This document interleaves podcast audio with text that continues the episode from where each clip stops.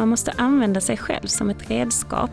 För det blir inte trovärdigt om man eh, lägger till egenskaper som man faktiskt inte riktigt har, för det märks väldigt tydligt. Jag tror det är jätteviktigt att vara ärlig och faktiskt vara en snäll person. Hon har precis tillträtt som förvaltningschef i Trelleborg med sikte på att delegera bort sig själv. Drömma stort, jobba hårt och ha roligt på jobbet är den gyllene trippen för Andrea Borgström, sjukhuschefen som också avancerat i pussel-SM. Jag heter Anna Strömblad. Det här är Region Skånes chefspodd om hur vi leder tillsammans för framtiden.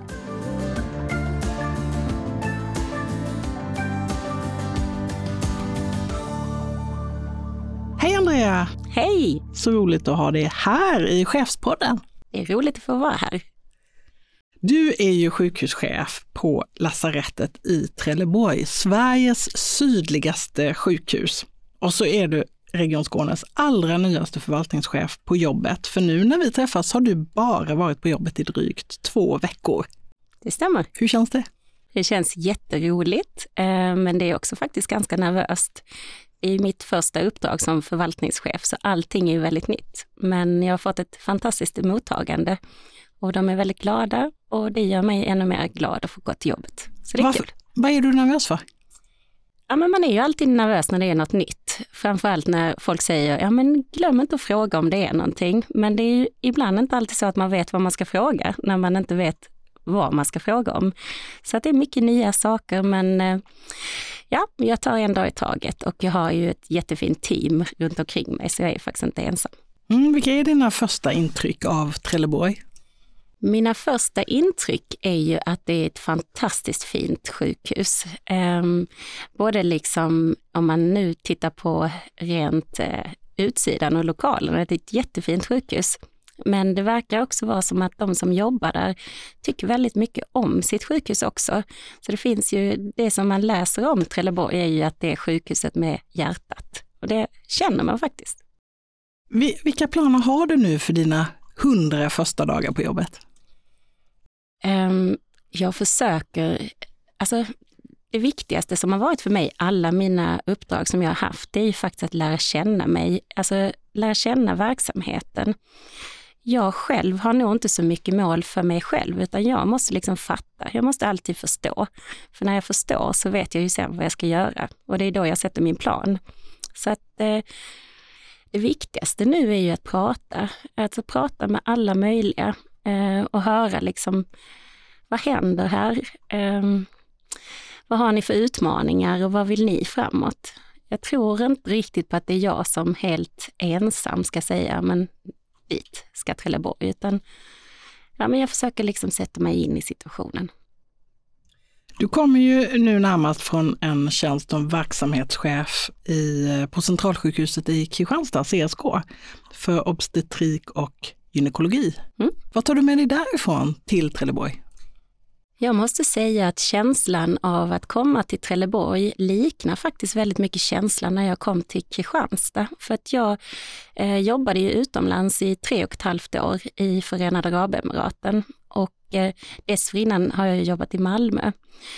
Och eh, jag måste säga att kulturskillnaden från när jag flyttade, eh, om man säger från Malmö till Förenade Arabemiraten, Emiraten, alltså jobbmässigt var nog mindre än att, flyt, alltså att komma till Kristianstad.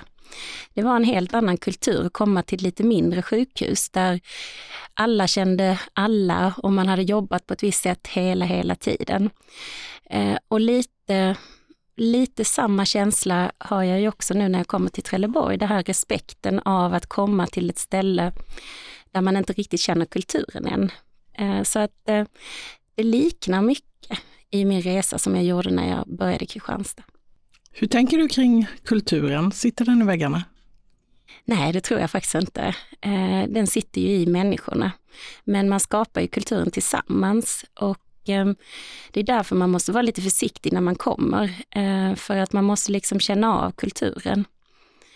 Och jag tror ju att kulturen skapar mig tillsammans och jag brukar använda mig av målen, alltså att man, man kan jobba mycket med liksom allt ifrån det här med patientsäkerhetsmål till eh, målen för arbetsplatsen, att skapa att det är, liksom, det är den här anledningen vi går till jobbet.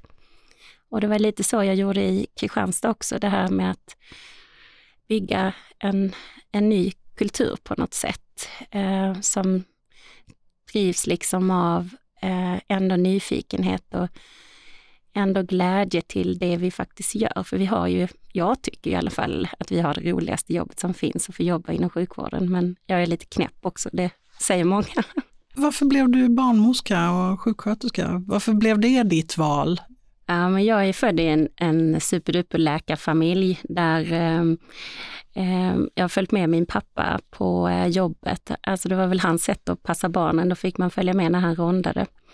Och Eh, jag kommer ihåg, eh, det, det var ju jättelänge sedan detta, men jag följde med honom när han gick sin rond och jag tyckte ofta liksom sådär att eh, eh, det var ju inte riktigt det som var det härliga, utan det härliga var ju gemenskapen då som fanns där bland sjuksköterskorna, som alltid tyckte det var jätteroligt när jag kom. Och då tänkte jag, men det är ju ändå ett roligt område det pappa jobbar med, men eh, att vara läkare, liksom, bara det här, eh, ta hand om det tråkiga. Så tänkte jag, nej, men då, då ska jag bli sjuksköterska.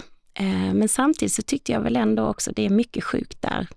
Och då hade jag en eh, kompis vars mamma var barnmorska. Jag har alltid haft mycket förebilder i mitt liv och det tror jag är jätteviktigt att ha folk som man bara ser upp till. Och hon, hennes mamma var barnmorska och Eh, hon var den coolaste mamman jag någonsin hade träffat. Hon berättade ju vitt och brett om sitt arbete och det var ju så fantastiskt. Och hon hade fyra barn och ja, livet var bara superhärligt i den familjen. Inte alls så tråkigt som det var i min familj tyckte jag då, när jag var tonåring. Så barnmorska ska jag bli. Eh, sen när jag väl blev barnmorska så insåg jag att det var inte bara det där friska, det var ju också en hel del tråkigheter också. Men jag har inte ångrat en sekund att jag valde att bli barnmorska. För det har varit eh, ett fantastiskt jobb. Jag tänkte vi skulle eh, prata lite om e din egen resa. Hur länge har du varit chef? Sen 2011 tror jag. Så i drygt tio år mm. eh, har du haft en, en chefsroll. Varför, varför är det viktigt för dig? Varför vill du vara chef? Jag hade jobbat som barnmorska i, eh, ja det var ju ganska länge, blir helt så snurrig när jag sitter här och tänker. Jag blev färdig barnmorska 1999 och ehm, jag jobbade då i Malmö och det är ju en jättestor förlossningsenhet. Jag upplevde att ehm, det, var, det har säkert förändrats nu så att inte man tror att jag talar illa om, om arbetet eh, som är där nu. Men då var det ju det här att eh, det var inte riktigt så att man kände att Eh, man brydde sig sådär jättemycket om mig och min, mina, vad jag var duktig på, utan fattades det någon på BB, ja, Andrea, du går till BB idag, eller nej, nu behövs det göra det eller detta. Och det, det orkar man ett tag, men sen efter ett tag så, så känner man bara att nej, men jag är bara en pussel i, pusselbit i detta pusslet, där man då retar sig på många saker. Och då tänkte jag så antingen så, eh, så slutar man eller så förändrar man. Och jag är ju jätteenvis så jag vill ju inte bara liksom eh, ge upp. Eh, och då kan man förändra genom att vara med i facket. Jag är superdålig på alla sådana här paragrafer hit och dit och, och sånt här. Så att, eh, nej, det blir nog inte facket, utan då blir det istället, ja men då får man väl gå eh, ledarskapsbanan. Och då började jag som eh, vad heter det, enhetschef på en barnmorskemottagning istället. Vad skulle du säga är de viktigaste ledaregenskaperna? Jag tror att olika ledare eh, behöver lite olika egenskaper. För mig, om man tänker eh, vad jag tycker, så är det ju att man är sig själv. Man måste använda sig själv som ett redskap. För det blir inte trovärdigt om man eh, lägger till egenskaper som man faktiskt inte riktigt har, för det märks väldigt tydligt. Jag tror det är jätteviktigt att vara eh, ärlig eh, och ehm, faktiskt vara en snäll person. Och det reagerar många på. Jag hade tänkt ha med det i mitt personliga brev när jag sökte då, eh, det här jobbet. Nu sa min mentor till, jag håller helt med dig Andrea om detta, men jag tycker du ska ta bort, bort det för att det förknippas oftast med en svag ledare. Men för mig är det inte alls det, utan jag tycker att det är superviktigt faktiskt att vara snäll. Um, för att vi jobbar med så svåra saker och um, därför är det viktigt att, att ändå ha med sig att vara snäll. Och ju, ju högre eh, chef eller ju mer makt man har så är det ju lite som Bamse att desto snällare måste man vara. Ehm, för att ehm, ha respekt för att det man gör faktiskt påverkar väldigt många andra. Så jag tror man ska vara, använda sina egna eh, egenskaper eh, och jobba med att eh, stå för det man säger och vara snäll och eh, lyssna mycket. Jag tror det är många som håller med dig om att man ska vara snäll. Mm. Tog du bort det i ansökan? Ja, det gjorde jag. Men jag, jag, tog upp det sen när vi pratade och jag meddelade att jag hade tagit bort det för jag tycker att... Du ångrar dig lite låter jag det ångrade mig ändå lite. Eh, att jag skulle ändå vågat stå för att jag faktiskt är snäll. För att man kan göra många tuffa saker eh, snällt. Och då landar det betydligt, betydligt bättre.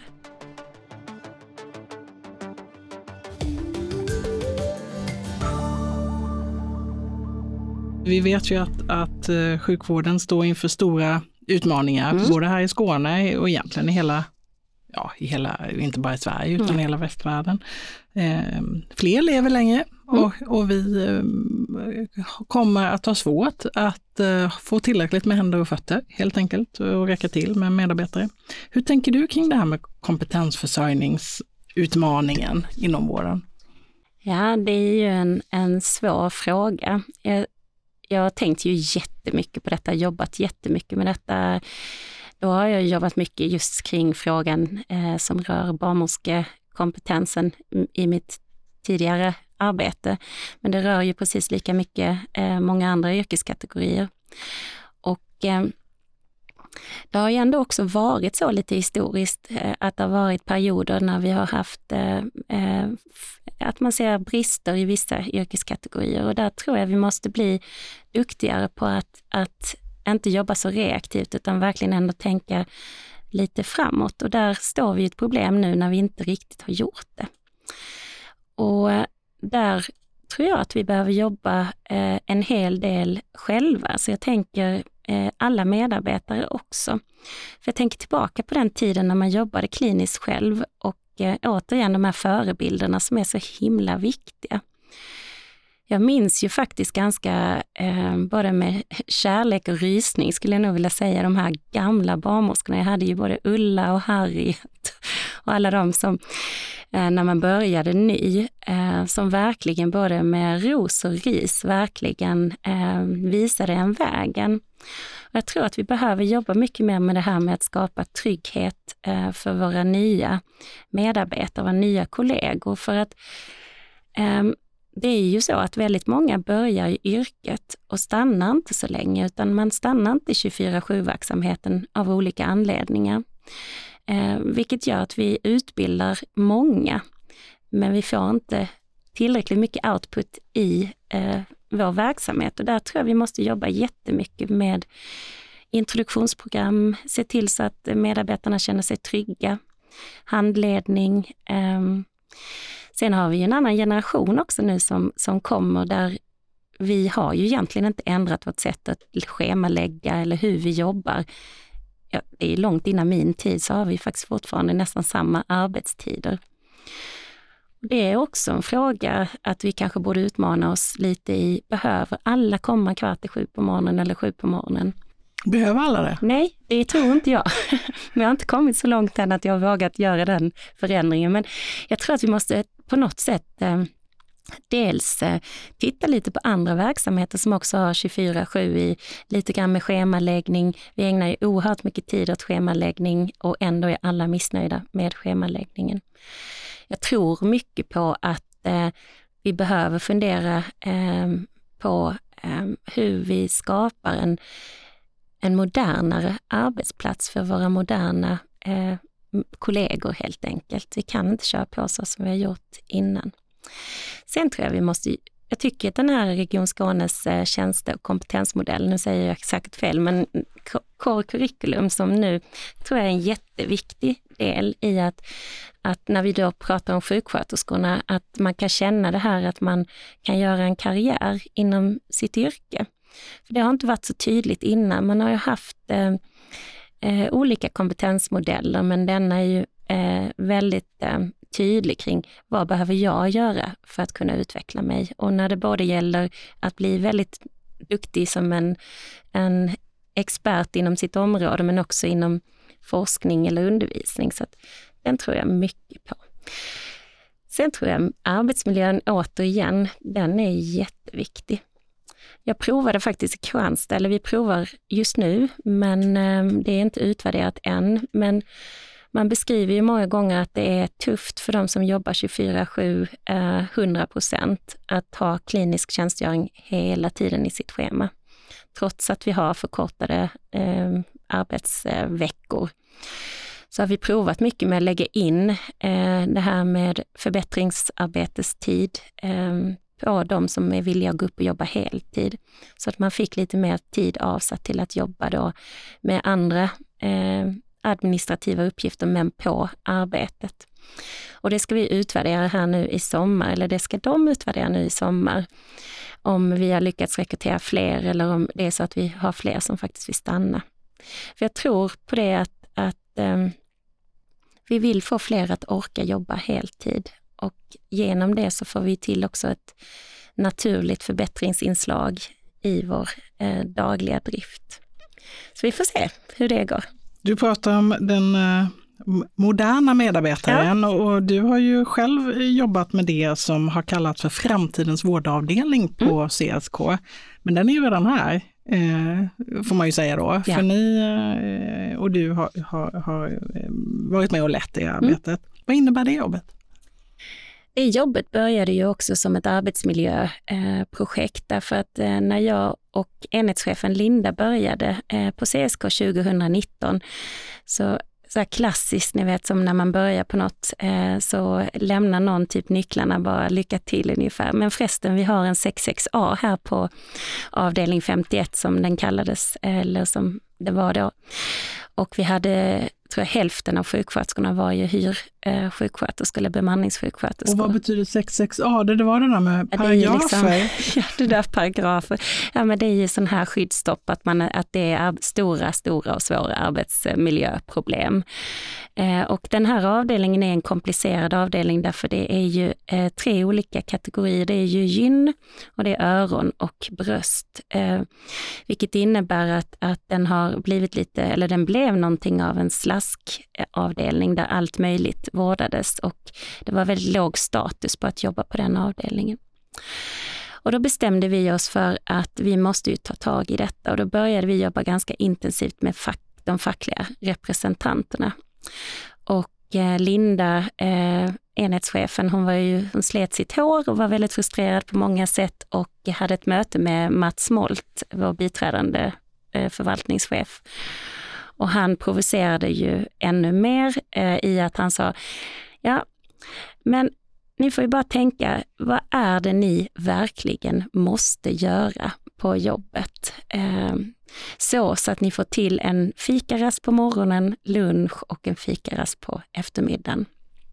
Och han sa det liksom på ett sånt sätt så att stubinen gick väl på Linda och Eh, hon och Eh, Ann-Caroline, vår eh, patientsäkerhetssamordnare, satte sig ner med en Excel-fil och bara skrev eh, järnet. Vad är det som alla gör på den här avdelningen?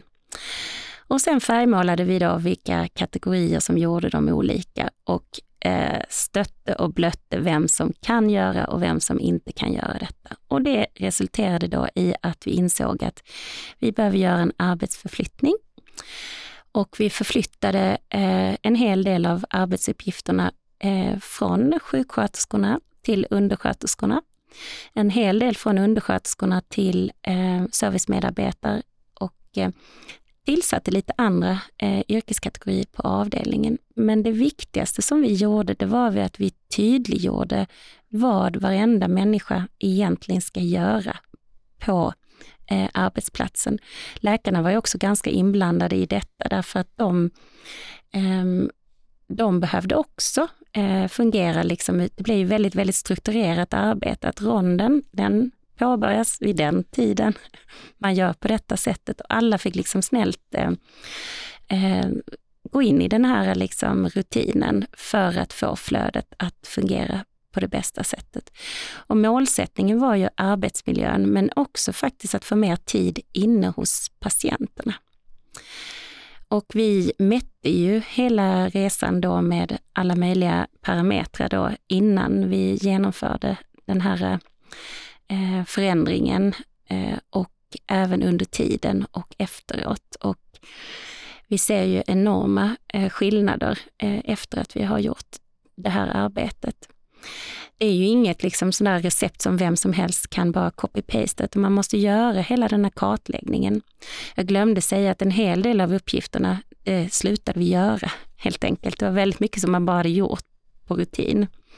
En hel del av uppgifterna lämnade vi på patienten. Eh, därför att vi över övervårdar också många patienter inom vården.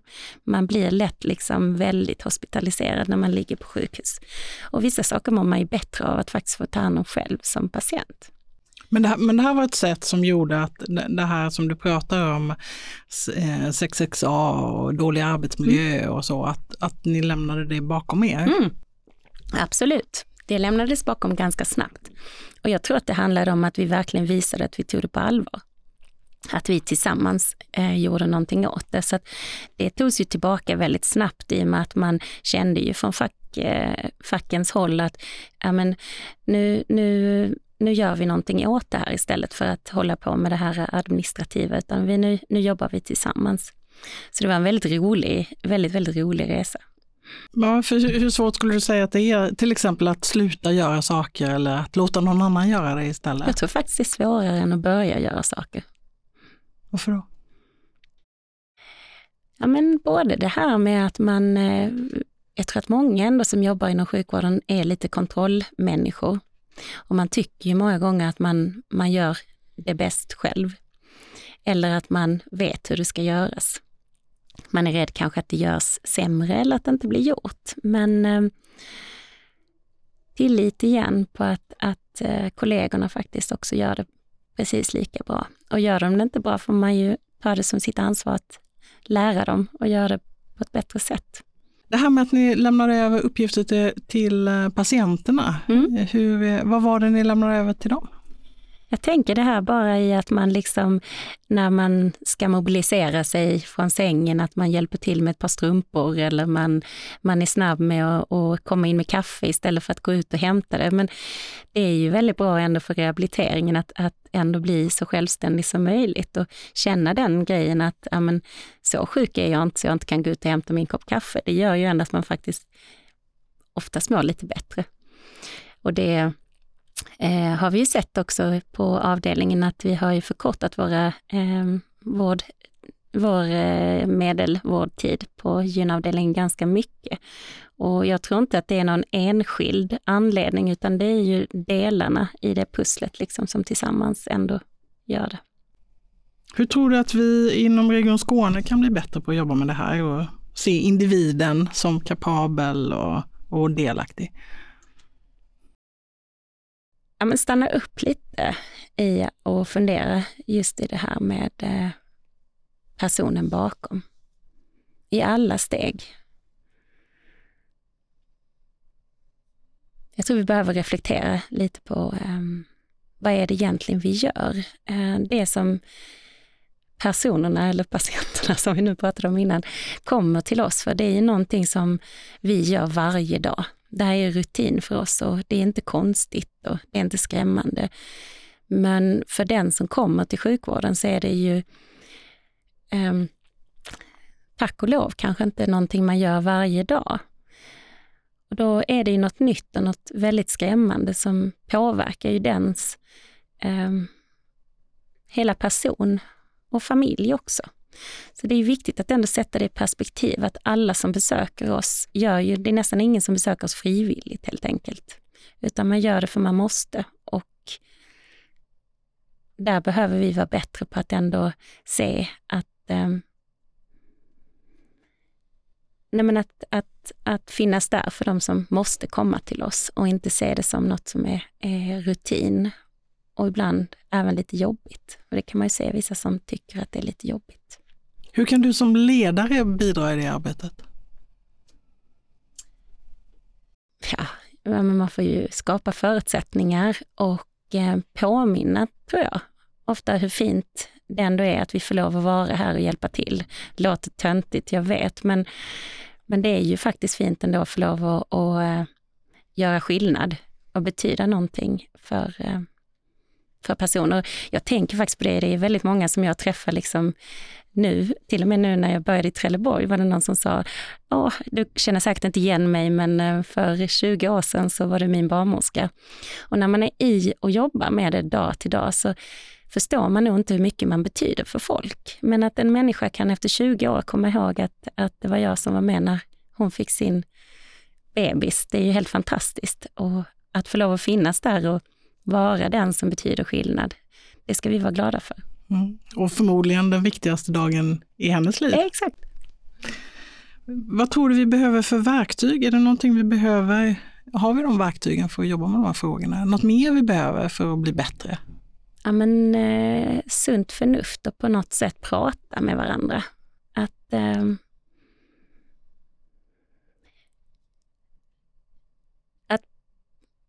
att skapa det här ehm, eh, skapa klimatet så att vi faktiskt kan prata om viktiga frågor och lära känna varandra ganska bra.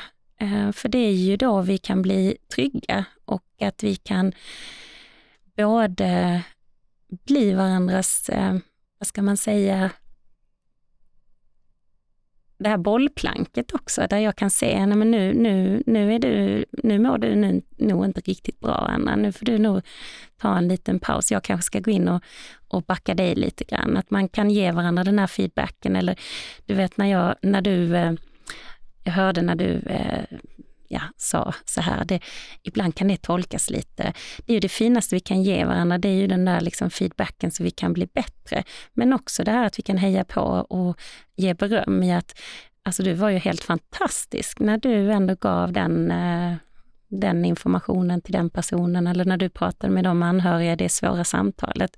Det ska jag nog ta till mig. Och, så att skapa de här eh, eh öppna samtalsklimaten tror jag är jätteviktiga. Bli bättre på att se varandra. Ja. Gör att vi blir bättre på att se även om vi möter. Ja. Mm. Det finns en eh, bild som jag har tagit med mig vid en av mina utbildningar som eh, visar liksom tre stycken saker som jag tror är superviktiga för en, en organisation som mår bra och kan drivas framåt. Och då måste man liksom som liksom verksamhet eller organisation eh, kunna drömma stort. Alltså det är jätteviktigt att man kan drömma stort och då är det ju att man drömmer ofta stort tillsammans. Alltså att man, det kan inte vara att jag drömmer om något och du drömmer om... Jag drömmer om den ena grejen och du drömmer om den. Vi får komma överens. Vad ska vi drömma om? Liksom? Vad vill vi? Det är ju målbilden. Sen så får man inte glömma att om vi nu ska liksom nå dit så måste vi ändå liksom jobba hårt eller get the shit done. Vi, vi kan inte liksom bara sitta här och drömma, utan vi måste också ändå jobba dit. Och den tredje liksom aspekten i det, det är att, att under tiden måste vi ha roligt tillsammans. Och de här cirklarna får inte dra iväg. Man kan inte bara drömma, man kan inte bara jobba hårt och man kan inte bara ha roligt, utan de måste liksom gå i en liksom perfekt mix. Och det är väl den hemligheten som jag tror vi måste måste liksom få till. Så att hittar vi det dragläget. Jag tyckte att vi gjorde det i Kristianstad och jag, jag hoppas att kunna hitta det även i Trelleborg. Den perfekta trippeln helt ja, enkelt trippeln, då? Eller? Exakt. Den, den perfekta trippeln.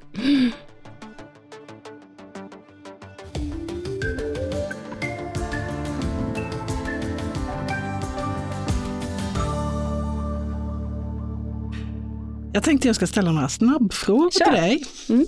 Jag jättenervös. Ja, det behöver det inte vara, men Nej. du får svara snabbt. Mm. Mm, men du är van att skjuta. Absolut. Ja. Havregrynsgröt eller flingomjölk? Flingomjölk. Fast det var lite till frukost. Kör du det? Vad sa du? Kör du det till frukost? Nej, det gör jag inte. Nej. Men om jag får välja, Ja, då tar tar du lite det. lång tid med havregrynsgröt. Jag är snabb. Bäckare eller avhandling? Deckare, men säg inte det till de som är forskningsintresserade. Okej, men kör du romantisk komedi eller kriminaldrama? Kriminaldrama. Jogging och, eller yoga? Jogging, 100 procent. Men jag borde göra yoga. Varför då? Ja, men jag tror, du ser det på min person, stel och stel och ja, jag vet inte. Jag skulle nog göra yoga, det har jag hört flera gånger, men jag springer hellre.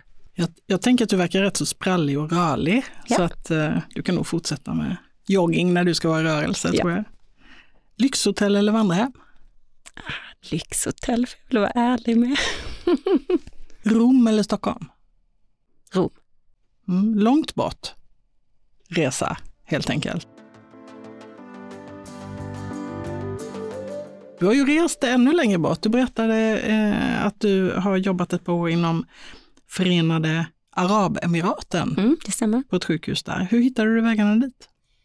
Som de flesta av mina eh, nya jobb har ju oftast varit liksom att, eh, att det bara dyker upp och eh, det var ju någon som ringde och frågade, jag har fått jobb där och jag skulle gärna vilja att du jobbar med mig där.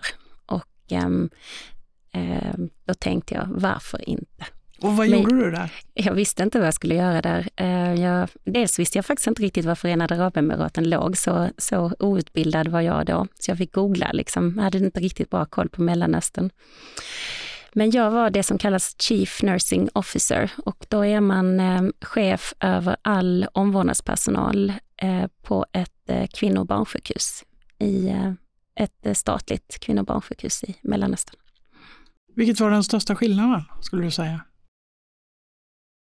Eh, den största skillnaden det var väl att det var så många olika eh, nationaliteter och kulturer som jobbade tillsammans. Och eh, i Sverige är vi vana vid att en sjuksköterska är liksom en sjuksköterska som har oftast utbildat sig här i Sverige eller man har liksom gjort en utbildning som är liksom klassificerad i Sverige. Här var det ju ändå så att man, kom, man hade sin utbildning från alla olika länder. Och där var det ju att man var tvungen att ändå säkerställa sig om att alla de som jobbade på sjukhuset ändå hade samma kompetensnivå som betygen eller utbildningen eh, sa att man hade. Och förena då alla de här olika nationaliteterna och eh, kulturerna, det var ju en, en eh, skillnad från i Sverige. Men det var ändå lättare, därför att alla enades om arbets arbetskulturen så att säga. Du var också projektledare där med att införa Millennium på sjukhuset. Ja, Mm. ofrivilligt var jag det. Ja, och det, för det är ju det journalsystem som vi ska Ja. införa i, i Skåne med start eh, våren 2025. Mm. I sydöstra Skåne ska jag väl säga, vi börjar där. Eh, och eh, det som vi kallar Skånes digitala vårdsystem, Mm. SDV. Eh, eh, vad tänker du om det? Även om 2025 ligger rasande långt bort för oss så går det ju väldigt, väldigt fort. Det går Och, jättesnabbt. eh, vi är snart där. Vad, Mm. vad, vad är dina tankar? Vad tror du att SDV, du som själv har jobbat med det här Millennium, vad är Mm. dina tankar kring SDV?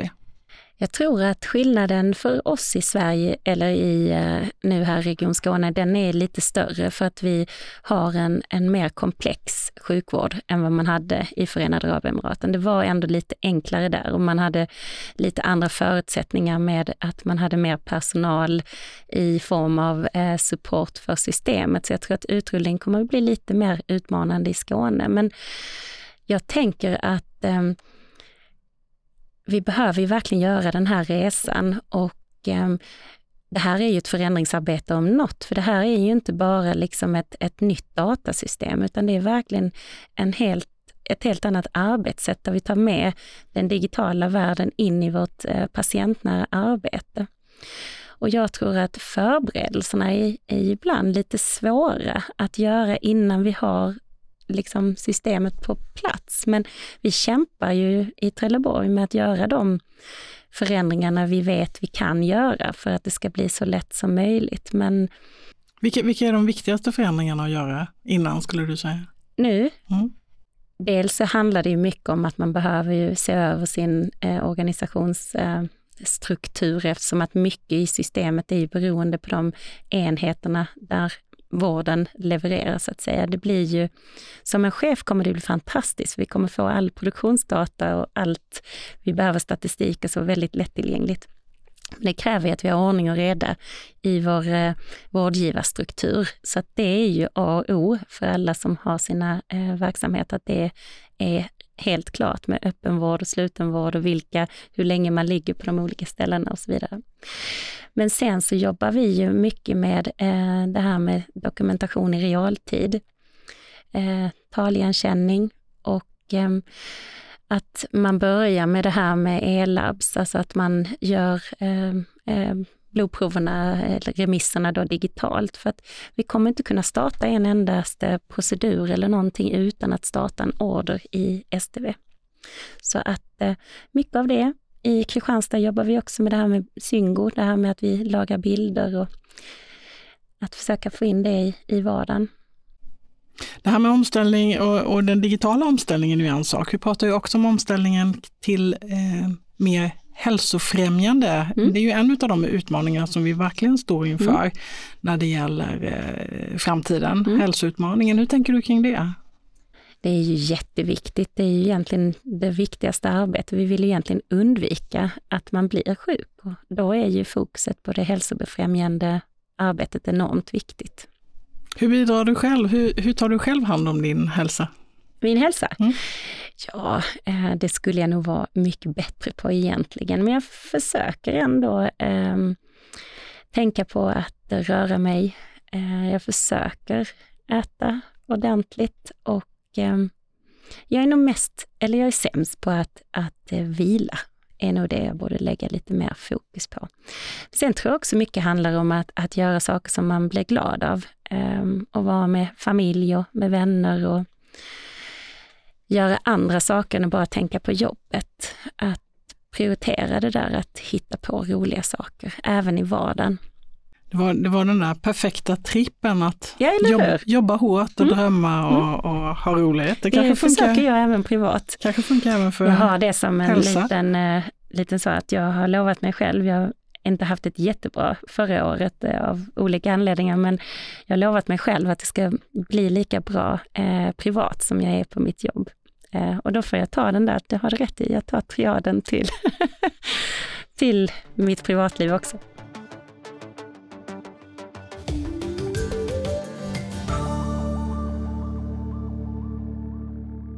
Du har ju varit chef i lite drygt tio år eh, och en, en kollega beskrev att du var som klister. Jaså? Mm. Att du är duktig på att hålla ihop en ganska spretig verksamhet som ledare. Mm. Hur tänker du om det? Håller du med? Är du som klister?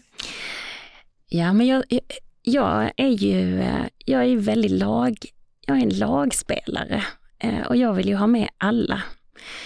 Och det är väl min största problematik i att ibland, det är ju, ibland så är man säger 80-20, att man är, you can't win them all, Charlie Brown. Men jag försöker gärna få med mig så många som möjligt. Och eh, där tror jag på att man inte är, man är liksom inte bättre än den svagaste länken. Så där försöker jag få med de flesta. Och sen eh, tycker jag ju själv att jag är lite rolig eh, att vara med, tänker jag själv. Jag försöker skapa lite roligt och då vill de ju vara med. Det är väl det där, ha kul på jobbet. Så att eh, man försöker eh, skapa roligt tillsammans, en samhörighet som folk vill vara med i. Skulle du säga att du är bra på att delegera? Jättebra fråga själv. Det är kanske någon av mina, kanske någon av mina medarbetare har sagt. Jag tror mycket på att man växer också med ansvar och uppgifter. Eh, och eh, det är väl en annan sak som jag har att målet för mig på min eh, arbetsplats, det är att göra mig själv arbetslös. Och det hade jag gjort i Kristianstad. De fixar det helt utan att jag är där. Och det eh, ska jag göra i Trelleborg också, för då skapar man ju en stabil organisation. Det finns inget värre än organisationer som är extremt beroende av olika individer, för då blir man jättesårbar. Så att jag är nog väldigt bra på att delegera och se eh, att personen växer med ansvar. Sen är det skillnad tycker jag, delegera och eh, på något sätt eh, lägga arbete på andra. Förstår du vad jag menar då? Mm. Så att jag delegerar ju också med en avsikt i att, eh, att det passar kanske bättre på någon annan och den personen gör det bättre än jag. Finns det några skillnader mellan personen Andrea och chefen Andrea? Jättemycket. På vilket sätt då? Um, jag tror att uh, vi är två helt olika uh, personer i det i att man ändå går in i en viss roll när man jobbar. Det är en uppgift, ett uppdrag. Um, som Andrea och som mamma och syster och väninna så är man ju eh, mer rädd kanske att eh, inte räcka till. Man tycker nästan aldrig att man räcker till eller att man är bra nog fastän man gör sitt allra bästa. Så jag skulle nog säga att jag är mer eh, självkritisk som eh, person än vad jag är på jobbet. Eh, och jag hatar att ehm, um, om man nu säger det här med att göra folk besvikna eh, när, när det är privat. På arbetet så vet jag att ibland måste man ju tyvärr eh, ta svåra samtal och göra saker och ting som eh, kanske en medarbetare inte blir jätteglad för. Men där handlar det ju om att vi gör detta liksom utifrån yrkesmässiga sammanhang. Men eh, när det gäller privat så är det det värsta jag vet. Men annars är jag nog ändå samma, glad, sprallig. Försök se det positiva, personligheten är samma. Personligheten är ja. densamma. Ja. Ja. ja, eh, du nämner din syster här och jag har förstått att du lägger pussel med din syster ja, och mamma, stämmer det? Det stämmer. Ja, det, var, varför gör du det? Vad är det som är spännande med pussel? Ja, vi har ju alltid, sedan jag var liten, lagt pussel på julen. Så tar man fram ett pussel, um, ett uh, är väldigt viktigt. Det måste vara eh, tusenbitars pussel och sen lägger man lite och pratar med varandra. Det har varit liksom en tradition sedan jättelänge. Och eh, för något år sedan så eh, ehm, fick min lilla syster en idé tillsammans med sin kompis att de skulle eh, tävla i pussel-SM, helt galet, eh, galen grej, eh, som man gjorde då i Göteborg. Och eh, då fyllde min mamma år, så tänkte jag, men ska de pussla? Eh, hon, min syster och hennes kompis, så ska väl jag och mamma också göra det. Så jag och mamma eh, anmälde oss också pusslade 500 bitars pussel på tid. Det gick inte alls speciellt bra. De bästa lägger det typ på 35 minuter. Alltså jag hinner ju knappt vända bitarna på den tiden. Och snöret dras vid två timmar. Eh, men vi, vi klarade det precis, jag och mamma. Men jag och min lilla syster, vi är ju liksom väldigt lika varandra. Och vi satt ändå där och sneglade på varandra och tänkte, ah, men om vi hade gjort det tillsammans, då jäklar hade det nog blivit en riktigt bra tid. Så vi tränade och tränade och tränade och året efter så eh, var vi med igen. Och då fick vi en betydligt bättre tid. Mm. Hur gick det då? då? Ja, då tror jag var 1,29 så det var ändå wow. Men eh, fortfarande var det väl 30 minuter på den som vann. Mm, är det några särskilda motiv du har som... Eh, Man får inte veta det Anna, det är liksom Nej. ett Ravensburg-pussel som är inpackat i liksom papper, så ingen har sett det här motivet innan. Men jag och Beata, vi vill helst inte ha päls. Vi är väldigt dåliga på päls, men ta gärna fantasy eller hav. Mm. Okej, okay. det kan vara bra som tips om det är någon som ska köpa pussel till dig. Exakt. Tror du att det är, det är, en, är det en bra, det här att du är duktig på att lägga pussel, är det en bra egenskap tror du, för dig som chef? Ja, men jag tror faktiskt det. För att jag tror det handlar mycket om att eh, fokusera. Eh, och jag tror också att eh, Ja, men jag tror att det är bra att samla tankarna och reflektera under tiden. Och hitta rätt pusselbitar kanske? Ja. Nu har jag ställt en massa frågor till dig Andrea. Mm. Är det någon fråga som jag missat att ställa? Som jag borde ha ställt?